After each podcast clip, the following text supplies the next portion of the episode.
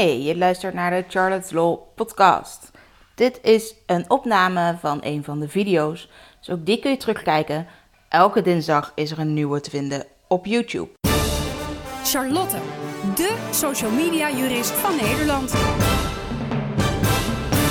We krijgen heel erg vaak de vraag wanneer een overeenkomst nou rechtsgeldig is. Antwoord daarop is eigenlijk heel simpel.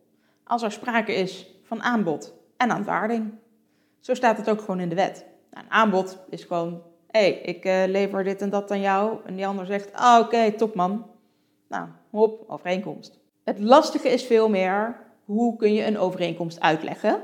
Of hoe kun je bewijzen dat er een bepaalde overeenkomst bestond? De twee meest gemaakte fouten zijn eigenlijk dat er niet voldoende duidelijk is wat er nou is afgesproken.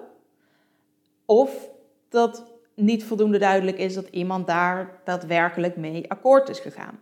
Een mondelinge overeenkomst is dus gewoon rechtsgeldig. Wij kunnen een keer met elkaar ergens praten buiten op straat en een afspraak maken. Dan hebben we een overeenkomst. Het lastige daarvan is alleen, de een die herinnert zich het een, de ander herinnert zich het ander. Ja, wat is er dan precies afgesproken? En is het dus eigenlijk al verstandiger om bijvoorbeeld een opname te maken van dat gesprek, of om toch het een en ander op papier te zetten, of op schrift bedoel ik dan eigenlijk. Het kan ook best via WhatsApp, e-mail, ehm, Instagram DM voor mijn part. Op welke manier maakt niet uit. Belangrijker is veel meer dat elke partij weet welke afspraken er precies gemaakt zijn. Heel vaak gaat het natuurlijk een beetje in een gesprek. Hè? Verander je nog een beetje wat en dan gaat het op en neer. Dus dan is het eigenlijk wel heel interessant om te zeggen, nou aan het eind maken we even een samenvatting welke afspraken er nou gemaakt zijn. Je bent dan al een heel eind op weg als je die afspraken op die manier hebt. Het lastige is alleen dat je misschien toch nog niet nagedacht hebt over bepaalde consequenties. Wat als iemand iets toch niet doet? Wat is dan de afspraak? Um, zorg dat, dat er geen gaten vallen in de afspraken die je maakt. Je moet soms even net twee stappen verder denken. Niet alleen maar aan nu, maar ook aan, oké, wat als dit misgaat? Probeer dat dus ook vast te leggen in je afspraken. Het wil niet zeggen dat als je dat niet afspreekt, dat je overeenkomst niet rechtsgeldig is. Maar het is lastiger om uit te leggen wat nou het gevolg is van iets wat er mis is gegaan misschien. Nou, daarnaast wil je natuurlijk wel kunnen bewijzen dat jullie allebei gebonden zijn aan die afspraken. Dat is dus mondeling lastig te bewijzen, want misschien zegt iemand wel, nou ik heb jou toen helemaal niet gesproken we hebben deze afspraken helemaal niet gemaakt. Of we hebben andere afspraken gemaakt. Je zou het dus op kunnen nemen. Nou, dan moet je wel zorgen dat een stem te herkennen is. Maakt het ook weer wat lastiger. Dan kan het bijvoorbeeld per e-mail. Is ook gewoon rechtsgeldig. Maar ja, misschien kan iemand anders ook wel bij die e-mail en heeft iemand anders dus wel akkoord gegeven. En heb je dus helemaal geen overeenkomst met de persoon waarmee die overeenkomst had willen sluiten. Denk bijvoorbeeld aan trouwfotografen die met een bruidspaar afspraken maken. Mensen zijn dan nog niet getrouwd.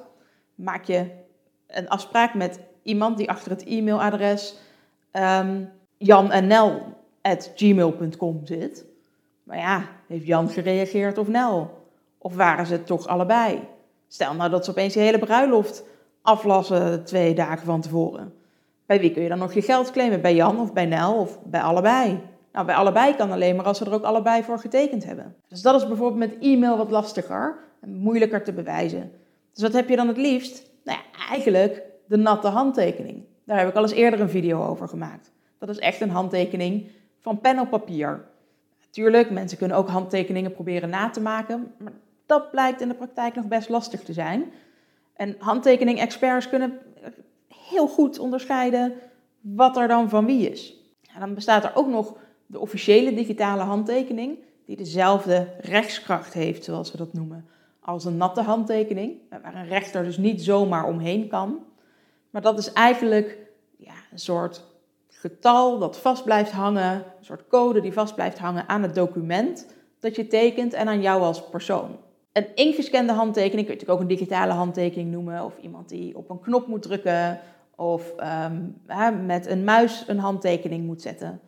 Het lastige daarvan is alleen dat je dus het probleem blijft houden dat je niet weet bij wie die handtekening precies vandaan komt. Je hebt dus nog steeds een rechtsgeldige overeenkomst, maar weet je zeker met wie die gesloten is. Daarom dus het liefst zet overeenkomsten op papier. Mondeling is net zo rechtsgeldig, maar voor je bewijs is schriftelijk gewoon een stuk interessanter. Mocht je nou vragen hebben over wat er allemaal in een contract zou moeten staan en over hoe je nog op een andere manier kunt regelen uh, dat je daadwerkelijk weet met wie je een contract sluit, neem vooral contact met ons op.